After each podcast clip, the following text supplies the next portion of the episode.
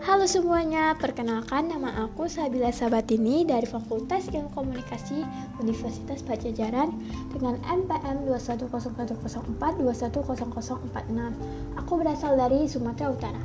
Aku ingin berbagi pengalaman aku tentang memilih jurusan kuliah. Dulu aku sempat bingung dalam memilih jurusan kuliah ini. Dan pada akhirnya aku menemukan yang cocok untuk aku. Karena aku mencoba memahamin minat dan bakat aku. Karena menurut aku pemahaman yang baik akan diri sendiri yang dapat membuat kita bertahan menghadapi berbagai tantangan saat belajar tentang ilmu dan skill baru.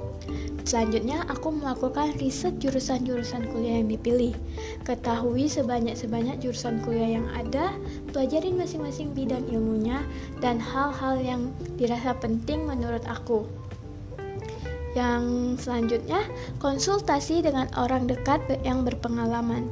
Diskusi dengan mereka yang memiliki pengalaman dan kapasitas dapat memberi sudut pandang dan pengetahuan yang fresh. Dan yang terakhir nih, pahamin keuntungan dan konsekuensi pilihan. Bear in mind, nothing's perfect.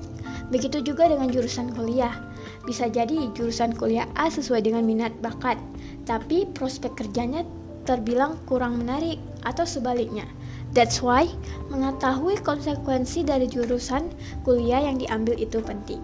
Oke, segitu aja sih sharing dari aku. Semoga bermanfaat buat kalian ya.